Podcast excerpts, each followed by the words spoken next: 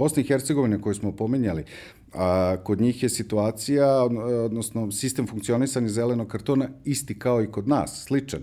Dakle, oni nisu morali da menjuju zakoni. Kod njih je zeleni karton potvrda da je automobil osiguran. U Makedoniji je to druga vrsta osiguranja.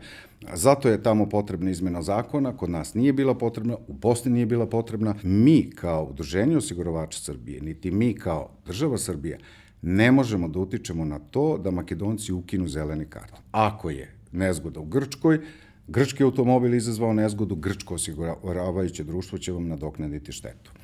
Ako je a, vozilo neke treće države, Bugarske, Makedonije, Turske, Nemačke, u Grčkoj udarilo naše vozilo, U 90-99% situacija nadležan je biro zelene karte Grčke. Ukoliko je nepoznato vozilo odgovorno za nezgodu, po zakonu se nadoknađuje samo nematerijalna šteta.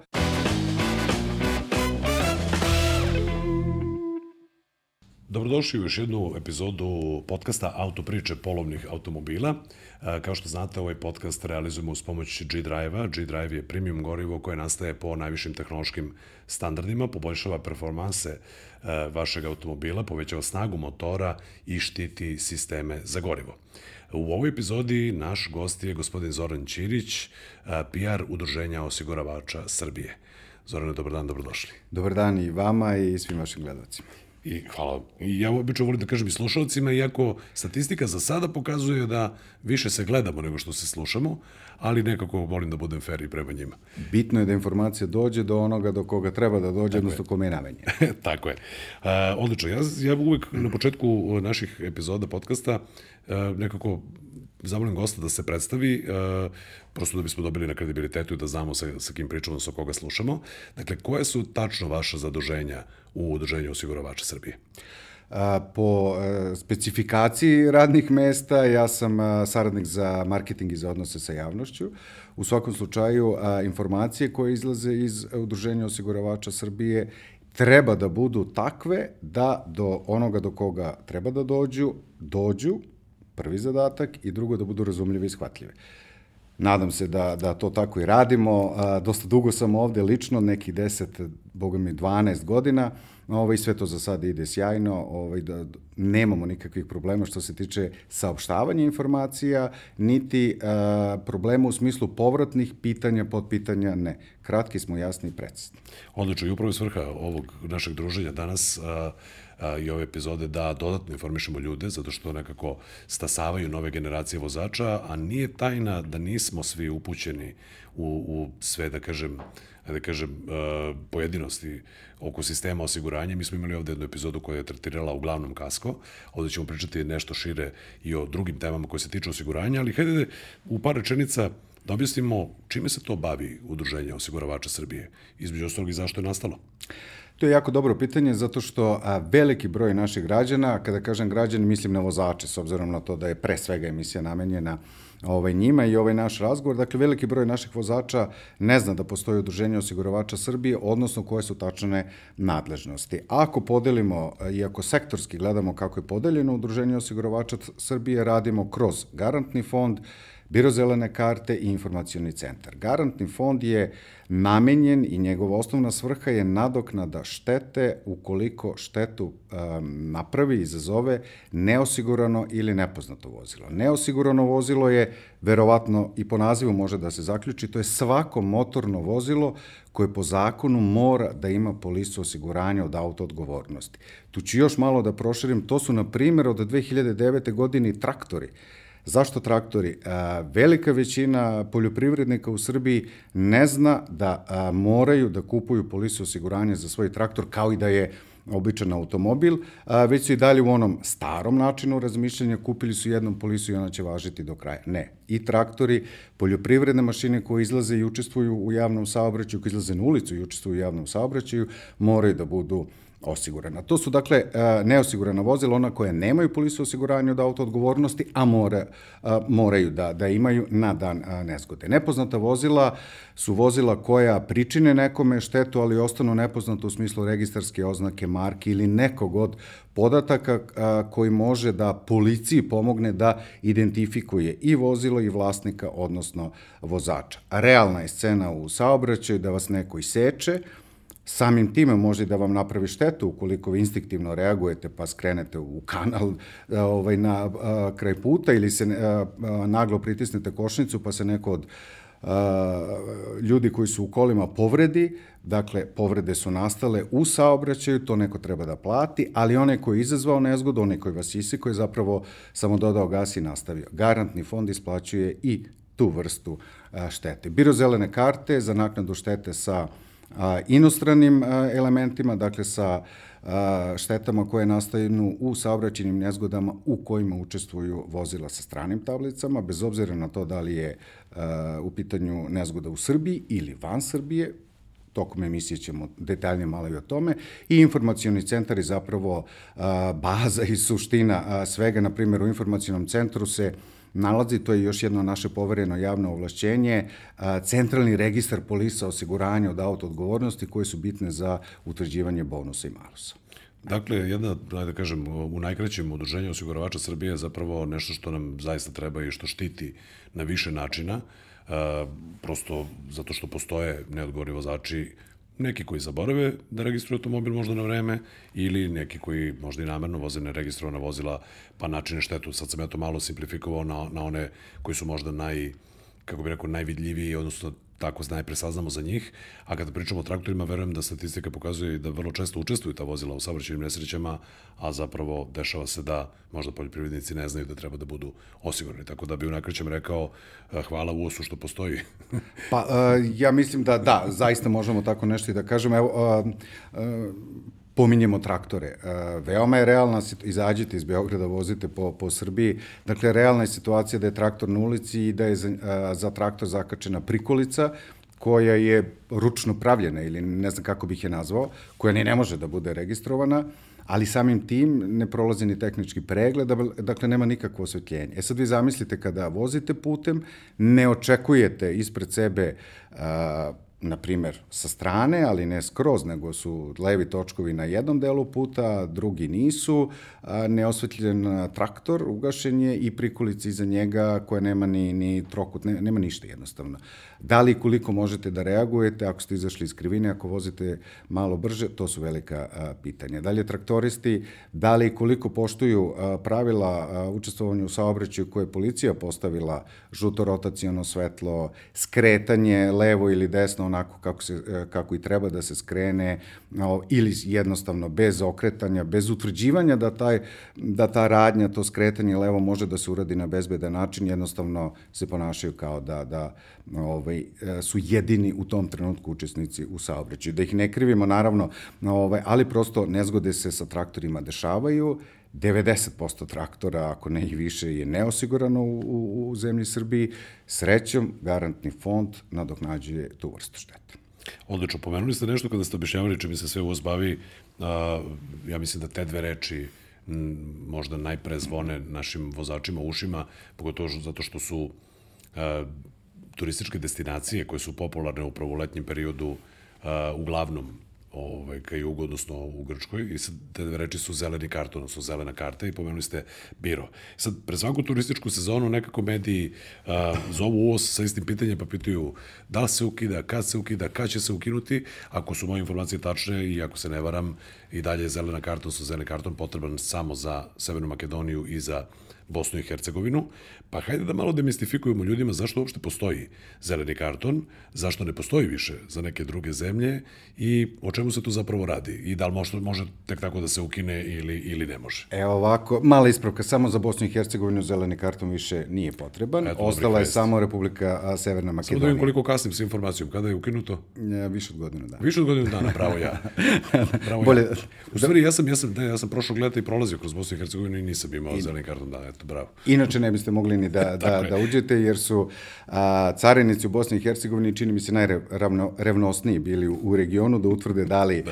ovaj, vozilo ima zeleni karton ili ne. Zeleni karton je zapravo potvrda da je vozilo tehnički ispravno i osigurano u zemlji porekla. Znači, to je potvrda za mene kada izlazim iz Srbije, pričamo o periodu dok nam je zeleni karton bio potreban, potvrda da je automobil moj tehnički ispravan i da je osiguran, odnosno da iza mene, kao vlasnika automobila i mog automobila, stoji osiguravajuće društvo koje će tamo nekad nekome eventualno da nadoknadi štetu koju ću ja eventualno da, da, da pričinim. Ovaj, to je jedan međunarodni dokument, on jeste na, na strana, nekoliko stranih ovaj, jezika ovaj, ispisan i a, to je dokument koji postoji više od 50 godina, jednostavno a, to je suština međunarodnog saobraćaja je zapravo u zelenom kartonu. Za naše građane, za, za, za građane i vozače iz Srbije, zeleni karton nije potreban od 2012. godine, ukupno za 27-28 država, jer je Udruženje osiguravača Srbije postalo članica takozvanog multilateralnog sporazuma. To je sporazum koji omogućava ista prava, iste obaveze e, našim vozačima, odnosno vlasnicima srpskih automobila, kao da smo ili da su građani Evropske unije pod istim pravima, ali pod istim obavezama učestvujemo u saobraćaju na, na teritoriji Evropske unije, to tako da, da, da, ovaj, da to nazovemo. Što se tiče Makedonije, Makedonija je zaista jedina država u regionu koja je zadržala zeleni karton i za koju morate da imate tu potvrdu ukoliko želite da učestvujete u saobraćaju na, na teritoriji Republike Makedonije. Mi kao udruženje osiguravača Srbije, niti mi kao država Srbija, ne možemo da utičemo na to da Makedonci ukinu zeleni karton. Dakle, svaka država ga za sebe donosi, propisuje, svaka država ga za sebe i ukida. Našim vozačima nije potreban, mi smo ga ukinuli, samim tim što smo postali članica multilateralnog sporazuma, dakle, otišli smo korak iznad običnog zelenog kartona. U Makedoniji je to mnogo veći problem nego što naši građani misle, odnosno što možemo mi ovde da pretpostavimo iz prostog razloga što U Makedoniji je zeleni karton posebna vrsta osiguranja. Dakle, tamo je jedno polisa auto odgovornosti, to, to je ova osnovna polisa kod registracije vozila, to je jedan dokument. Drugi dokument po zakonu makedonskom je zeleni karton.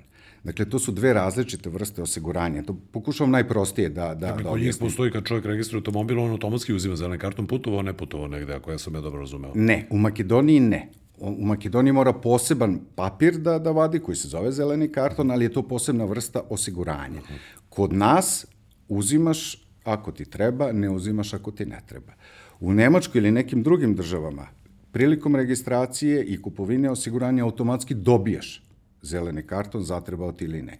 Dakle, suština postojanja uh, a, zelenog kartona za naše građane, ne samo za naše, za građane Evropske unije, za sve građane Evrope, da bi mogli da prođu kroz Makedoniju, je u a, odluci makedonskih vlasti da zadrže taj dokument kao neophodan da se uđe na njihovu teritoriju.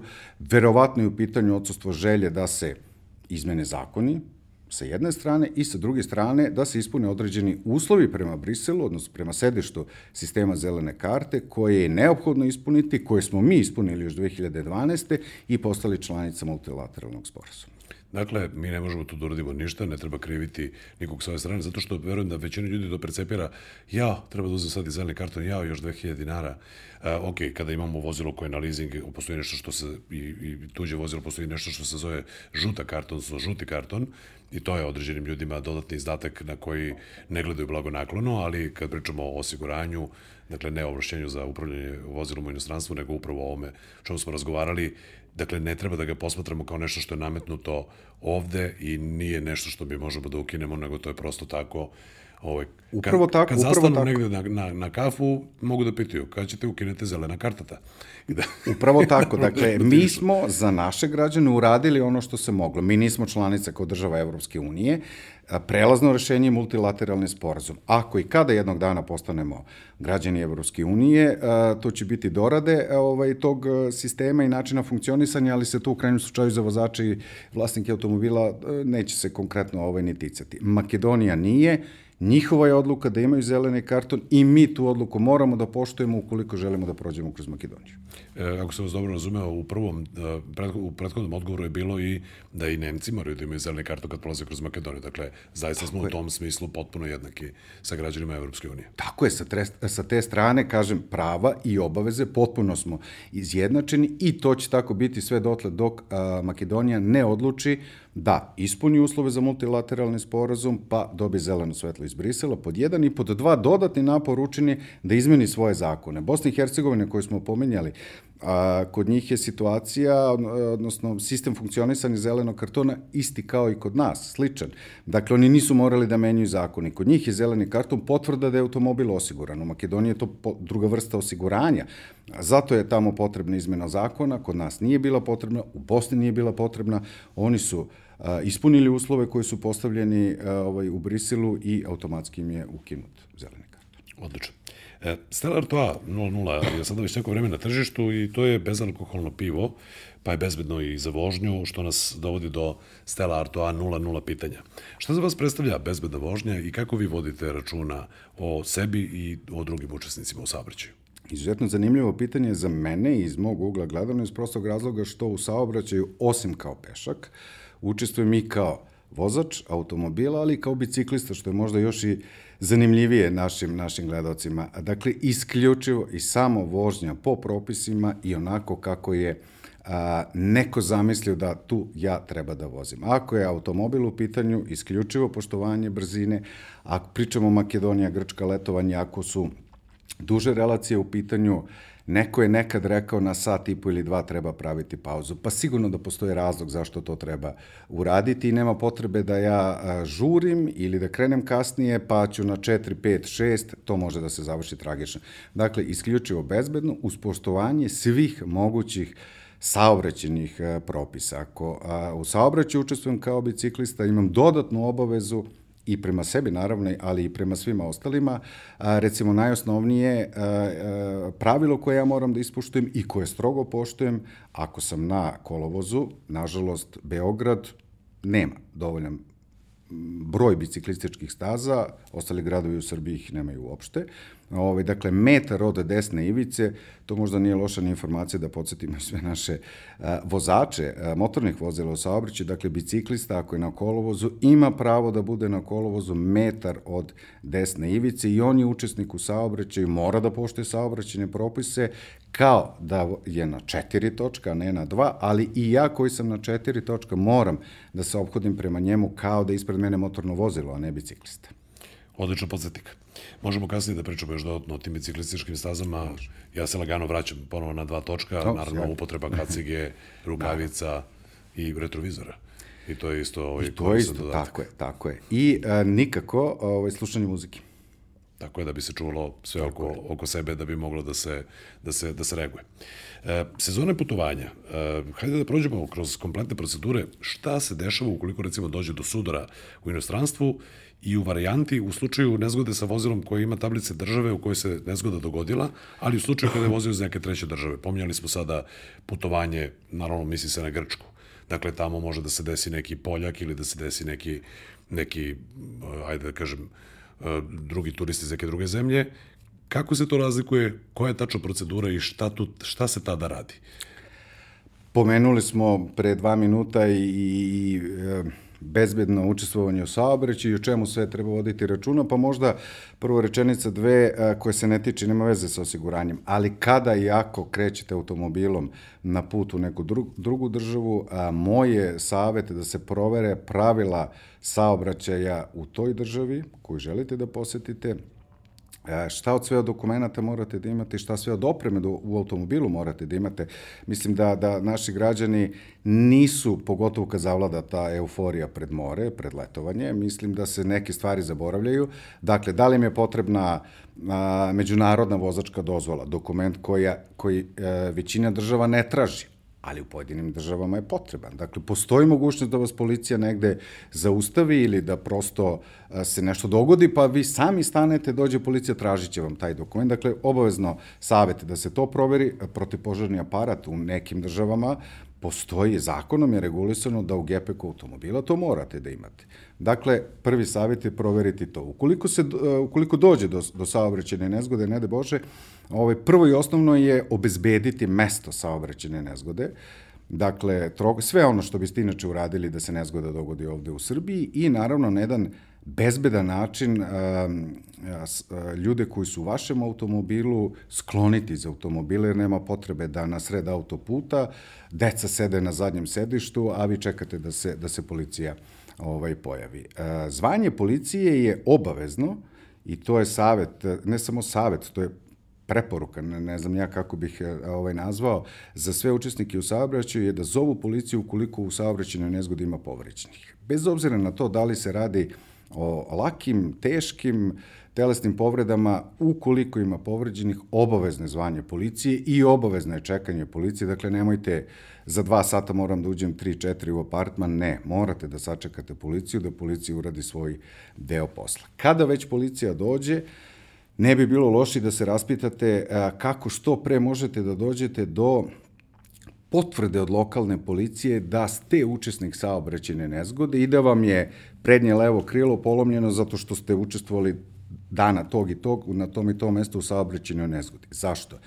Može da se dogodi da prilikom izlaska iz te države imate problem sa carinom, odnosno sa, sa pograničnom a, policijom, da traže neki dokaz a, zašto vam je slupan. Zato što mogu da pretpostave, sad idem samo logikom, da ste vi nekog oštetili, da upravo napuštate zemlju tako i je. da je neko ostao tamo udaren, a da vi niste odgovarali. Tako je, za to. tako je. Zbog toga je savet i, i, i preporuka, i to je nešto što zaista treba shvatiti jako, jako ozbiljno, ukoliko ste učesnik saobraćene nezgode, makar bila i manja materijalna šteta, ali da je šteta na vašem automobilu vidljiva, obavezno od policije zatraži tražite ovaj, tu vrstu potvrde. A, takođe, u toj državi u kojoj se nezgoda dogodi, treba uraditi i nešto što se zove zapisnik o šteti na vozilu, dakle, otići u bilo koje njihovo osiguravajuće društvo ili kod nekog ovlašćenog lica, tu informaciju takođe možete da dobijete od a, policije i uraditi zapisnik o šteti koji ćete kasnije predati prilikom podnošenja zahteva za naknadu štete. Štetu inače nadoknađuje kao i u Srbiji a, osiguravajuće društvo koje je osiguralo automobil koji je nezgodu izazvao. Ako je nezgoda u Grčkoj, grčki automobil izazvao nezgodu, grčko osiguravajuće društvo će vam nadoknaditi štetu. Ako je a, vozilo neke treće države, Bugarske, Makedonije, Turske, Nemačke, u Grčkoj udarilo naše vozilo, U 90-99% situacija nadležan je biro zelene karte Grčke. Dakle, ukoliko se na teritoriji jedne države e, dođe do sudara e, dva automobila iz druge dve države, štetu nadoknađujete i javljate se birovu zelene karte e, države u kojoj je nezgoda nastala. Kako će oni dalje to da regulišu sa osiguravajućim društvom štetnika, to u krajnjem slučaju vaš, vas ni ne zanima. A, dakle, štetu nadoknađuje osiguravajuće društvo onoga koje je štetu izazvao. Najbolje je da zapisnik o šteti, ovo što smo rekli, uradite odmah dole, da na licu mesta vi sami prikupite svu neophodnu dokumentaciju koja može da zatreba, fotografije, zel, evropski izveštaj ako se popunjava, obavezno vodite računa o tome da li ga i kako popunila druga strana, jer će i to biti ovaj, potrebno, potrebno u smislu ispravno popunjena.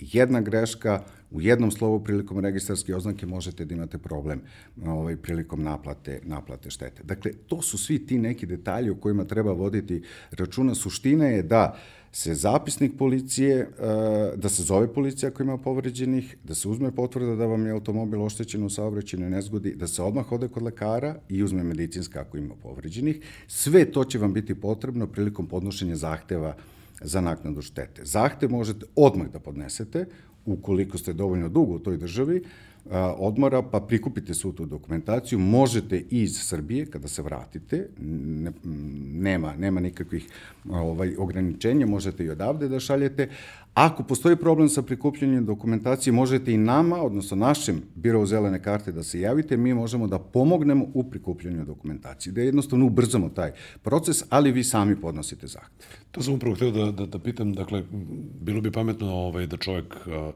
za svaki slučaj progugla, jel, gde se nalazi biro zelene karte ako ide redovno u Grčku, da zna gde se to nalazi, zato što verovatno postoji jezička barijera, pogotovo sa pričom i o grčkom pismu, jeli, ovaj, i o znanju jezika, odnosno poznavanju engleskog jezika ovaj, drugih ovaj, učenik, učesnika, odnosno poznavanju engleskog jezika što se tiče administracije u Grčkoj. Dakle, pretpostavljam se to pretvaro jedan mali pakao za onoga koje, koje učestvuje u nekom sudaru i kao gde sad da nađem, kako sada da radim. To je kada imamo vozilo iz, iz treće države, ako je Grčkoj, onda, onda to ide ovako.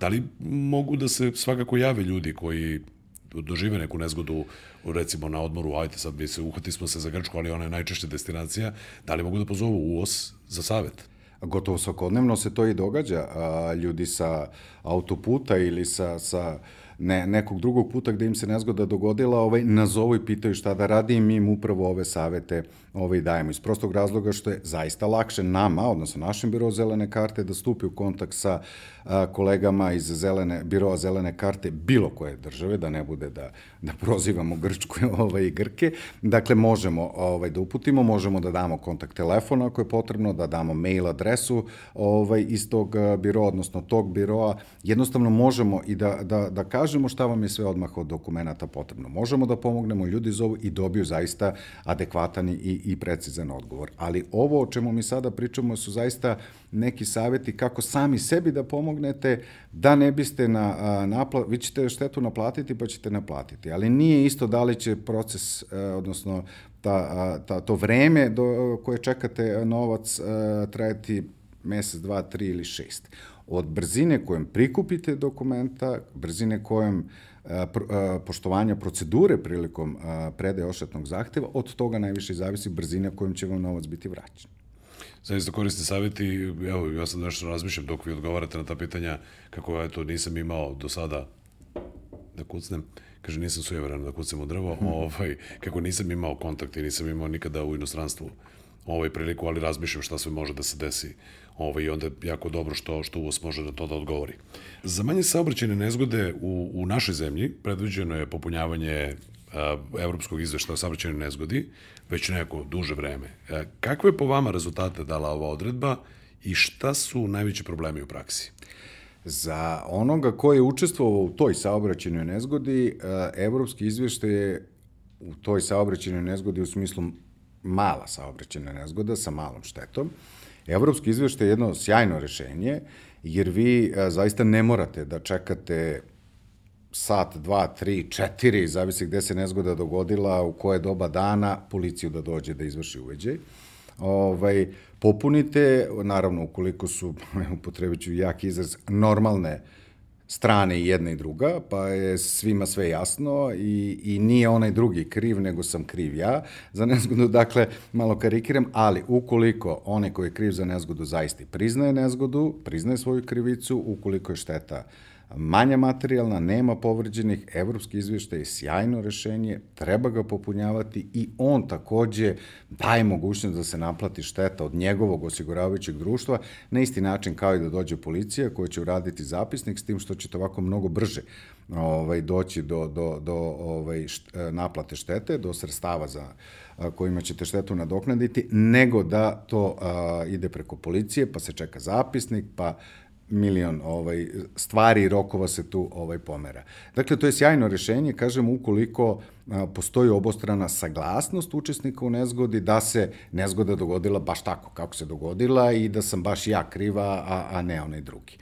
Prilikom popunjavanja evropskog izveštaja, to je opet savet našim gledalcima i vozačima, strogo vodite račun. Dakle, one kolone nisu bez potrebe stavljene, plava, bela, žuta, mislim da, da tako ide ovaj raspored. Dakle, treba da budu popunjene sve moguće kolone, treba odgovoriti na što više pitanja, Treba nacrtati skicu lica mesta, naravno, usaglasite se oboje ili svako neka, postoji zapravo mesto da svako nacrta ovaj, svoju, ali sve to treba uraditi. Što više detalja unesete u taj evropski izveštaj, to će manje problema biti, manje pitanja od strane osiguravajućeg e, društva. Odmah i tu da napomenem, osiguravajuće društvo nije tu, nije njihov cilj da zatežu i da vam odlažu isplatu naknade šteta. Oni moraju i sebe da štite. E, prevare su moguće na svakom koraku, to je valjda više nego jasno. Prevare u osiguranju su takođe potpuno normalna, nažalost, normalna i uobičajena stvar. Dakle, i osiguravajuće društvo na neki način mora sebe da, da, da zaštiti i zbog toga se traže ti najsitniji mogući detalji kako bi vi zaista dokazali da se nezgoda dogodila baš na taj način na koji se ovaj dogodilo. Oto da i da se da se ne zbune naši naši gledaoci i i i vozači, a, realna je situacija i da osiguravajuće društvo pozove jednu i drugu stranu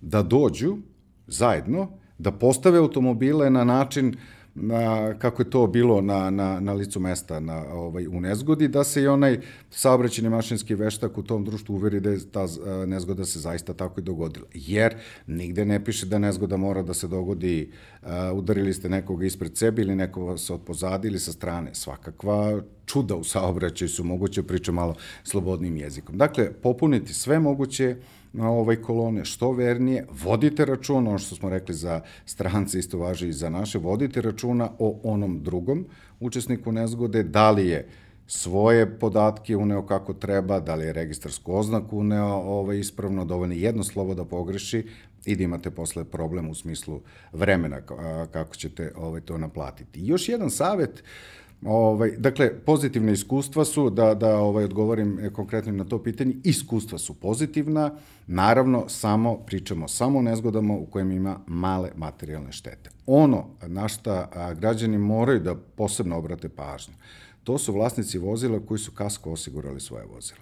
Postoje društva, ne sva, postoje društva koje će vam zahtevati neki policijski dokument ukoliko želite da aktivirate kasko polisu.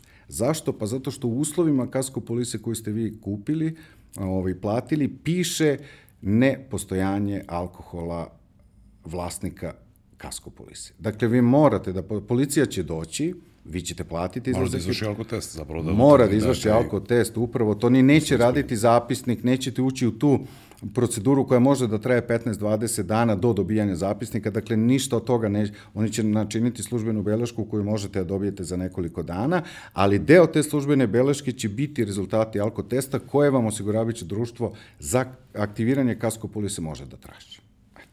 Ja imam sada, kad pričamo o problemima u praksi, ovaj, imam jedan lični primjer i ovo nije privatizacija, ovaj, čak možda, bi, možda će se neko iznenaditi i neprijatno. A, imao sam jedan kontakt sa drugim ovaj, porodičnim vozilom i to je bilo pre nekih par meseci, možda i dva meseca, ovaj, samo a, na po meni to je bila potpuno čista situacija i mi smo recimo zvali policiju da dođe da, da, da, da izvrši uviđaj zato što nismo mogli da se usaglasimo drugi gospodin i ja kako je to za, zaista izgledalo, zašto. Dakle, radi se o te raskrsnici, ja sam imao uslovno zeleno, u pitanju je profesionalac, taksista koji dolazi sa moje leve strane, dosta je ograničen pogled zbog zbog uh, živice koja se tu nalazi, uočavam vozilo, propuštam ga, preko sam se uverio da tu nema pešaka. Dakle, ja sam bio spreman da skrenem uslovno, uslovno zeleno sam imao za desno, propuštam gospodina i dalje gledam levo jer je dosta nepregledno i uh, nastavljam kretanje i jedan put udaram u čoveka koji po meni više nije učesnik u saobraćaju, zato što preko pešačkog prelaza se penje na trotoar, tu nema parking mesta, i on je samo zadnjim krajem vozila na, na pešačkom prelazu. Nije bila velika šteta i ja sam ga ni na jednom ni na drugom vozilu, ali je nastala. I ja sam ovaj predložio, odnosno pitao sam gospodine šta ćemo sada da radimo, on kaže ništa da platiš nešto. Ja sam rekao pa neće to tako moći, vi niste više bili učesnik u saobraćaju. Hoćemo, hoćemo da potpisujemo ovaj zapisnik, on kaže da li neko mora da potpiše da je kriv. I ja kažem pa evo na primer vi. on se nije saglasio sa tim, pa smo na kraju zvali policiju i moram da priznam da je prilično brzo došla, došla saobraćajna policija da izvrši uviđaj. Kada je došao policajac, on je ukazao na to da sam ja kriv, zato što ja sam udario vozilo koje je bilo faktički ispred mene i da nema veze što on više nije bio aktivni učesnik u saobraćaju i bio je potpuno nepropisno, u nepropisnoj radnji zatečen, jer prosto ovaj, prema rečima policajca to je mogao biti i pešak I on je tu potpuno u pravu. Pa je rekao, hoćete da idete na sud ili hoćete sada ovo da potpisujete? Mi smo potpisali, ja sam onda otišao sa, sa gospodinom, prihvatio sam da je to tumačenje da sam kriv, ovaj, ne nadajući se da će čovjek da odgovara za to što više nije bio, kako bi rekao, pa, potpuno regularan učesnik u saobraćaju, nego je uradio jednu potpuno blesavu stvar. Ali eto, desilo mi se nešto da sam ja pomislio da zapravo ne treba da potpišem da sam kriv, ako sam ja taj koji je bio od pozadi. To su, to su te situacije koje sam ja i pomenuo. Dakle, prvo zaista je ne znam da li svim vozačima na svetu, ali i našim vozačima je zaista neverovatno i jako teško priznaju sobstvene greške u saobraćaju. Eto, greška koju vi pomenjete jeste zaista greška. Možemo da odamo korak dalje pa da pojasnimo zašto greška. Taj drugi automobil je mogao da bude i parkiran. Nepropisno parkiran, ali vi ste krivi, nije on kriv, on, on snosi deo krivice. Moje je bilo da ga uočim. Tako je. S s tim što je čovjek prolazio, recimo, brzinom od 60 km h Ja nisam uopšte očekivao da će onda stane u toj raskrsnici, da se opravdam. Pred, pred Ali dobro, srećom policija je brzo izašla na lice mesta pa ste rešili. Da, da, i otišli smo to i završili, završili jako brzo. ok, e sada ovaj, pomenuli smo na početku kada smo objašnjavali ulogu UOS-a i e, generalno pominjali smo najviše možda i traktoriste, ali ima da, vozila, odnosno nesavjesnih vozača koji imaju neregistrovana vozila, neki namerno, neki uh, slučajno, jel? E Sad, koliko u Srbiji ima neregistrovanih automobila u odnosu na kompletan vozni park? O kojim vozilima je tu najčešće reč? Mi smo tu jako, jako revnosni što se toga tiče. Podsjeti, podsjetit ću da je osnovno osiguranje vozila, dakle polisa auto odgovornosti, a, njem pun naziv je polisa auto odgovornosti prema trećim licima i zbog toga i jeste obavezno. Eto, ajte da, da, da iskoristim pa da odemo i tu do kraja. Odgovornost prema trećim licima, prema drugim ostalim učesnicima u saobraćaju. Dakle, mene država tera da od mene, lično i od mog automobila zaštitim sve ostale učesnike u saobraćaju. Ne štiti mene, Ne štiti, sve druge. mene, štiti sve od druge ljude koji su van mog automobila. Ili van automobila koji je u mom vlasništvu bez obzira na to koga vozi. Zašto? Pa da bi tim ljudima i tim vo, drugim vozilima neko mogao da nadoknadi štetu. Ukoliko želim samog sebe da zaštitim, odnosno svoje vozilo, postoji druge no, ove, polise kao što je kasko polisa, ali to je moja lična, privatna stvar i lična i privatna odluka. Da, prosto hteo sam da, da kažemo i zbog čega je ovaj, ta, ta polisa Ona se zove. AO, polisa skraćeno, odnosno auto odgovornost. auto odgovornost. Upravo se radi o odgovornosti Tako prema, je, prema trećim licima. Da. A, tu smo jako odgovorni, moram da priznam, dakle ispod 2% ukupnog broja a, prodatih polisa, a, a, zapravo vozila, motornih vozila koje učestvuju u javnom saobraćaju, nemaju ovaj polisu osiguranja. Kad kažem jako odgovorni, mislim na podatke iz nekih drugih država, recimo pomenuta Grčka, Kod njih je između 7 i 8% neregistrovanih vozila. Kod nas, kažem, ponavljam, 1,5, 1,7. Uh, Irska 8, i to su, čini mi se, dve države u Evropi koje prednjače u odnosu na ostale po broju neosiguranih eh, vozila. Mi smo u donjoj polovini. To su, da kažem, dobre vesti. Ja sam očekio nešto, nešto strašnije podatke. Ne, e, zaista, zaista podaci su takvi, mi to možemo da pratimo na, na dnevnom, nedeljnom, mesečnom ovaj, nivou, tu smo zaista jako, jako ovaj, e, revnostni. Druga je stvar, da li smo i koliko revnosni da a, učestvujemo, odnosno ne učestvujemo u saobraćaju sa vozilom koje nema polisu, o tome možemo da pričamo, ali da ih ima mnogo, nema, to je ispod 2%. Problem nastaje onog trenutka kada on napravi nezgodu, a, pričini štetu nekom trećem licu, onda a, to treće lice nema društvo kojem će se javiti za naknadu štete, već se javlja nama, odnosno našem garantnom fondu, ono sa, sa početka emisije. To, to je upravo bilo moje sledeće pitanje. Dakle, kako kada nekoga udari neregistrovano vozilo, kako se nadoknađuje šteta? To smo rekli, zašto je tu US i da je to jedna od, od važnih i glavnih uloga. I samo tu još da dodam, oprostite, molim vas, dakle, šteta će biti nadoknađena pod istim uslovima kao da je to vozilo bilo i registrovano, odnosno imalo polisu osiguranja. Garantni fond isplaćuje pod istim uslovima, na isti način, u istim rokovima isplaćuje štetu kao osiguravajuće društvo. Dakle, to nije ništa sporno, samo je različita adresa koju se javljate. E, odlično. Ovaj, kako, dakle, izgleda procedura? Udari nas neregistrovano vozilo, šta zapravo vozač koji je, koji je tu oštećen treba da uradi? Kako izgled, izgledaju ti koraci? A, vrlo jednostavno. Na sajtu UOS-a, uos.rs, a, u odeljku odštetni zahtevi možete sami da odštampate a, formular i da rukom popunite ono što, što vam je poznato, datum nezgode, mesto nezgode, vaš i njegov registarska oznaka, ako znate ime, e, ime njegovo, ovaj, odnosno vlasnika tog vozila, to, to je ovaj, još bolje i da uz taj formular, odnosno zahtev za naknadu štete, predate sve ono čime vi raspolažete. Sve sem dokumentacije policije.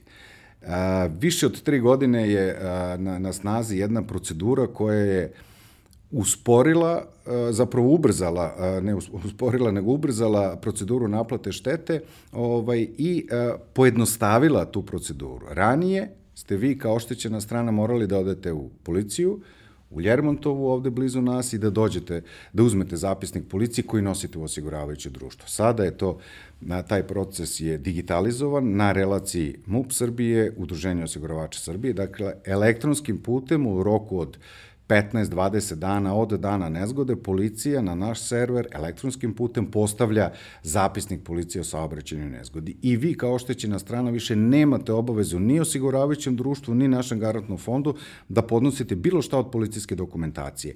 Ako je oštećeno samo vozilo, podnosite e, zapisnik o šteti na vozilu, koju možete da uradite u vašem osiguravajućem društvu ili kod nekog ovlašćenog e, sudskog veštaka. Podnosite dokaze da ste vi vlasnik vozila, da napomenem da samo vlasnik vozila može da nadoknadi ovaj štetu. Dakle, ako i... vozimo automobilno ovlašćenje, što nije preporučivo jer bi trebalo da se izvrši prenos to ovlašćenje. zakonu, ali ne znam, vlasnik je pera, a ja sam Žika i oštećen mi je automobil, morat će ovaj, Ako da... postoji nešto što se zove ovlašćenje, koje je pritom još i overeno kod, kod notara, onda podnosite i taj dokaz, odnosno ovlašćenje da a, upravljate tim vozilom, da ste vi zapravo realni vlasnik e, vozila i da možete da naplatite štetu. Ako ne, vi možete da podnesete dokumentaciju u ime vlasnika, vozila, ukoliko ne postoji to ovlašćenje ili ne možete da ga nađete ili bilo koji drugi problem da imate, vi možete samo da podnesete odštetni zahtev u njegovo ime, šteta će ići na njegov račun, osim ako on ne da posebno ovlašćenje da se šteta isplati na vaš račun. U slučaju kada je vozilo na leasing, ta neka prava su već delegirana samim tim što je korisnik automobila fizičko ili, ili pravno lice, najčešće pravno, tako da Tu nije ništa sporno, nije, zato što ništa sporno, a, ništa sporno da, a jedino se traži a, poseban, a, posebno ovlašćenje leasing kuće da sredstva a, na ime naknade štete na vozilu tom i tom iz nezgode te i te budu isplaćena na račun fizičkog ili pravnog lica. Dakle, leasing kuće to rade i to se zaista dobije, to može i mailom se da se završi. E, da li postoji limit pri isplati štete? Postoji, kao i svuda u Evropi, dakle, 200.000, odnosno milion za materijalnu, odnosno za, za nematerijalnu štetu. Šta to znači? Milion evra za nematerijalnu štetu, to je kod nas, to a, ne znači da, da, da će dva učesnika, dva povređena učesnika, a milion je limit, pa idemo da im isplatimo do milion. Ne, postoji nezgode u kojima će učestvovati dva autobusa, na primjer gde ćemo imati 100 ili više od 100 a, povređenih a, ljudi. Limit i postoji da, znači u okviru tog limita svi povređeni moraju ovaj, da se podmire i da im bude ovaj, nadoknađena šteta. U Evropi su ti iznosi veći, postoji skandinavske države u kojima limiti ne postoje uopšte, ali to je put kojim mi idemo i, i cilj kojem želimo da, da ovaj, stignemo, dakle da i ti će limiti kod nas biti povećavani i nedavno, nedavno pre 3 ili 4 godine je, su iznosi povećani i bit će povećani ovaj, u nekom budućem periodu ponovo, ali postoje dakle 200.000 evra za materijalnu štetu i milion za nematerijalnu. E, upravo prava, pravi šlagvort, pošto smo pominjali limite i evre, a, malo bih se samo vratio dva koraka unazad kada smo pominjali Evropski zapisnik o saobraćajnoj nezgodi, a, kada smo pričali u, u ovom podcastu a, sa mojim prijateljem Nikolom, mnogo više o kasko osiguranju, pominjali smo i ovaj zapisnik i pominjali smo koji je to limit, do kad važi, zapravo do kad se popunjava zapisnik ove evropske o, o saobraćajnoj nezgodi, a od kad je to već nešto drugo.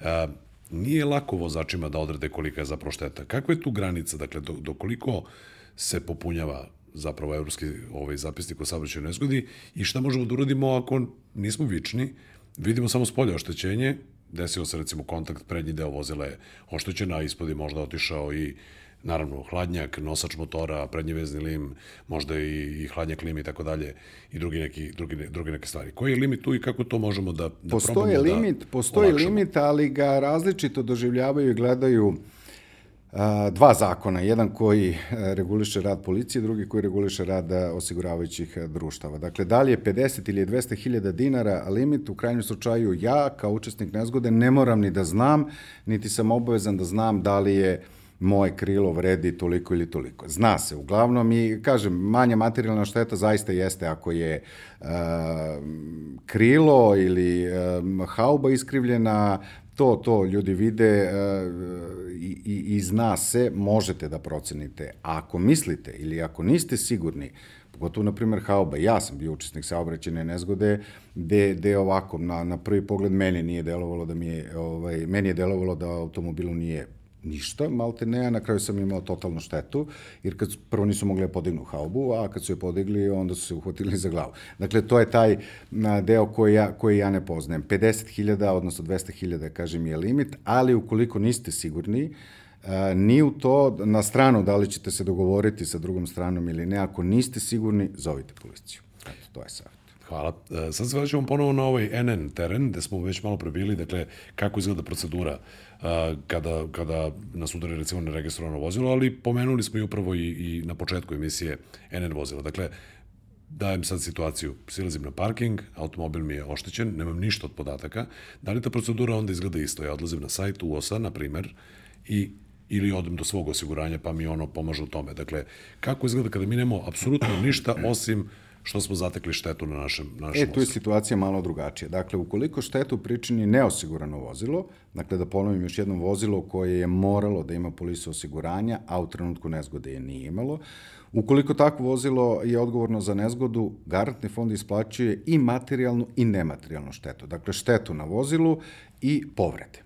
Ukoliko je nepoznato vozilo odgovorno za nezgodu, po zakonu se nadoknađuje samo nematerijalna šteta, odnosno samo ukoliko je neko pretrpeo povrede u toj saobraćenju nezgodi, povrede može i da naplati. Materijalnu štetu, bez obzira na to da li je u pitanju šteta na vozilu ili šteta na ogradi. Neko izgubio kontrolu nad vozilom, oštetio vam ogradu, ali je vozilo mu ostalo u, osno, u voznom stanju, palio auto i nastavio dalje, vi ne znate, on je pobegao, vi ne znate koje šteta je ogre, ovaj, napravljena, šteta može da bude i ogromna, naravno, tu vrstu štete garantni fond po zakonu ne isplaćuje. To je ta razlika. Sama procedura naplate štete je ista. Takođe, sajt UOS-a, ukoliko je neko u mogućnosti da ode na sajte, da odštampa, popuni sve ono što mu je ovaj poznato, podnosi se sve ono što nije, kao i kod neosiguranih vozila, sve ono što nije policijska dokumentacija, mi ćemo preuzeti dokumentaciju policije sami onda kada nam je oni dostave. Jedino što je kod štete koju pričine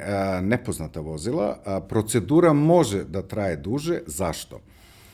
Ako je samo materijalna šteta u pitanju, dakle, su, najobičniji sudar dva vozila, bez obzira na to da li je u pitanju mala ili velika šteta, policija pokreće prekršajnu prijavu protiv onoga koji je kriv za neskutu. I nama dostavlja kompletan zapisnik o uvećaju.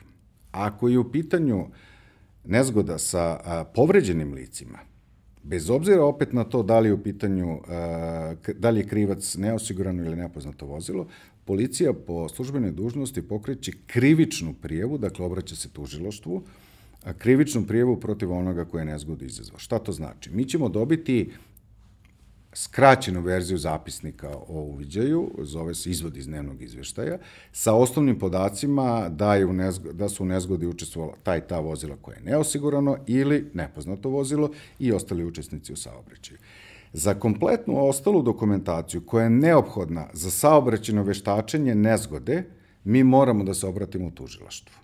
To je taj malo duži Zato što ona viša instanca i zapravo preuzima, jer postoji krivična odgovornost. Tako je. I ima položaj, da kažem, preče pravo na tu dokumentaciju, jer treba da vidi da li goni i kako u praksi, radi. U praksi to može da se nazove preče pravo, tako je da se da tužilaštvo uradi saobraćeno tehničko veštačenje, to što je neko nekoga udario na 10, 20 pešaka, na 10, 20, 50 metara od pešačkog prelaza, mora da se dokaže da li je pešak pretrčavao, da li je, da li uopšte prvo bio pešački prelaz ili nije bio, da li je bilo zeleno za pešaka ili crveno, a, gde je bilo vozilo, kojom se brzinom kretalo, sve su to delovi saobraćeno-tehničkog veštačenja, kada se sve to završi, kada se utvrdi krivica, da li je 100%, na, na strani vozača ili pešak ima određenu odgovornost ili drugo vozilo, kako god, ovaj, završava se to tehničko veštačenje, tužilo što nastavlja da radi svoj posao, a mi osiguravajuće društvo ili udruženje osiguravača Srbije preuzimamo tu dokumentaciju i a, nastavljamo proces obrade štete. Hvala, kompletan odgovor.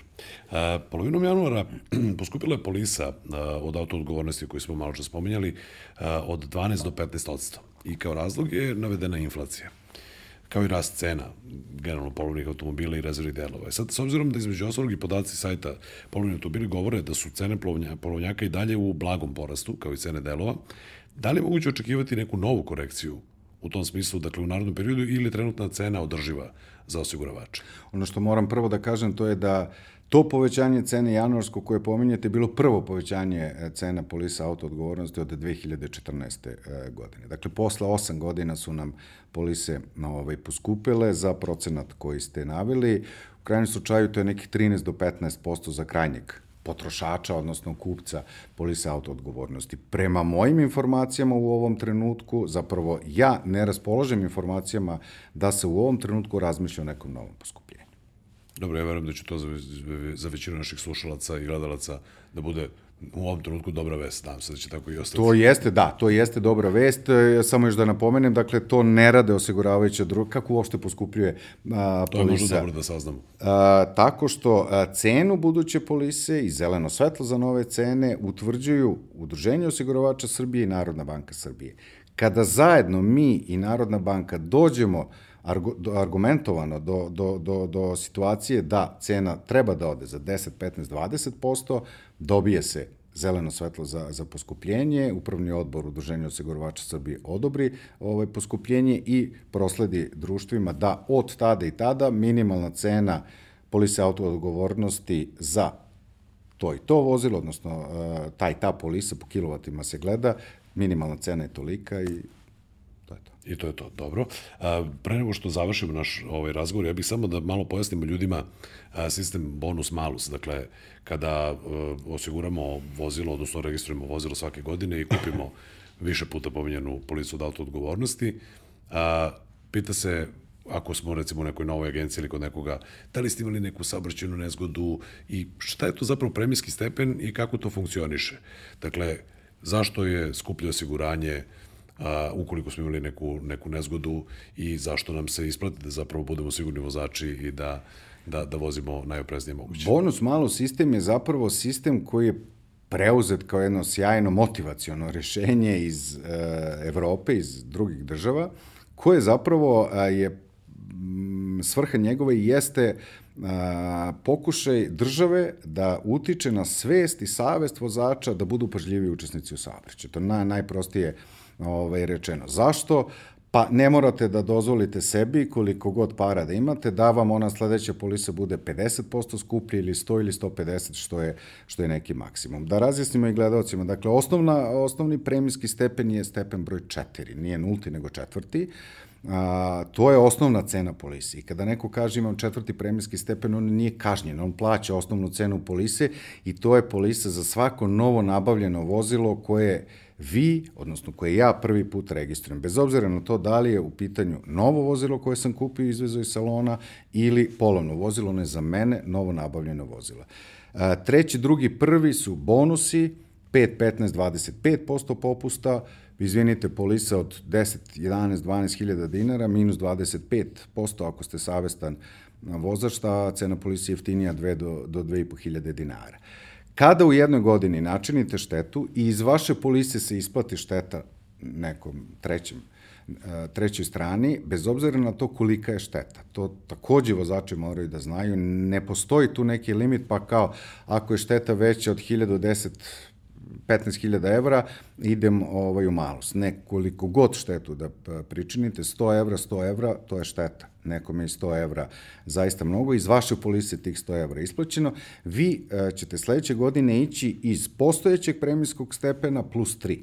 Dakle, ako ste bili prvi premijski stepen plus 3, vraćate se u četvrti, odnosno vraćate se u početni. Vi jeste kažnjeni, ali kažnjeni na način da vam je ukinut uh, ukinuta nagrada za ono što ste bili savez, za period e, vožnje u kojem ste bili savezni niste pričinili Tako, štetu. odnosno plaća se punije, da kažem, cena. Punija tako cena, da odnosno plaća se redovna cena. Da, da. A, malus je kada od četvrtog krenete ka dvanestom, ne daj Bože, a to znači da ste u prvoj godini registrovanog vozila već u prvoj godini načinili jednu štetu. Ne daj Bože dve ili tri u toku a, godine, onda idete plus 3, plus 3, plus 3, maksimum 150% cena polisa. Ja mislim da je ovo dosta jasno objašnjeno, tako da četvorka je dobra, od četvorke se kreće. Četvorka je najbolja. Bolje od petice. u svakom slučaju. Hvala još jednom na, na, na vremenu. Ja verujem da smo dosta nekih stvari razjasnili, naročito u prvom delu emisije vezano za to šta ukoliko se desi jer evo sezone putovanja. Dakle, a, u najkraćem savjet u stranoj zemlji ukoliko se nalazite, obavezno pozovite policiju, nemojte oklevati. To je, čini mi se, najvažnija stvar. Najvažnija stvar jeste da e, pozovite obavezno e, policiju, posebno ako ima e, povređenih, tada ste obavezni da zovete policiju. Ako niste sigurni, ako ne možete da se dogovorite, ako ste se do, previše uspaničili, postoji mogućnost da napravite grešku, nemojte onda ništa, samo inicijativno pozovite policiju. Hvala vam još jednom, gospodine Ćiriću. Hvala vam.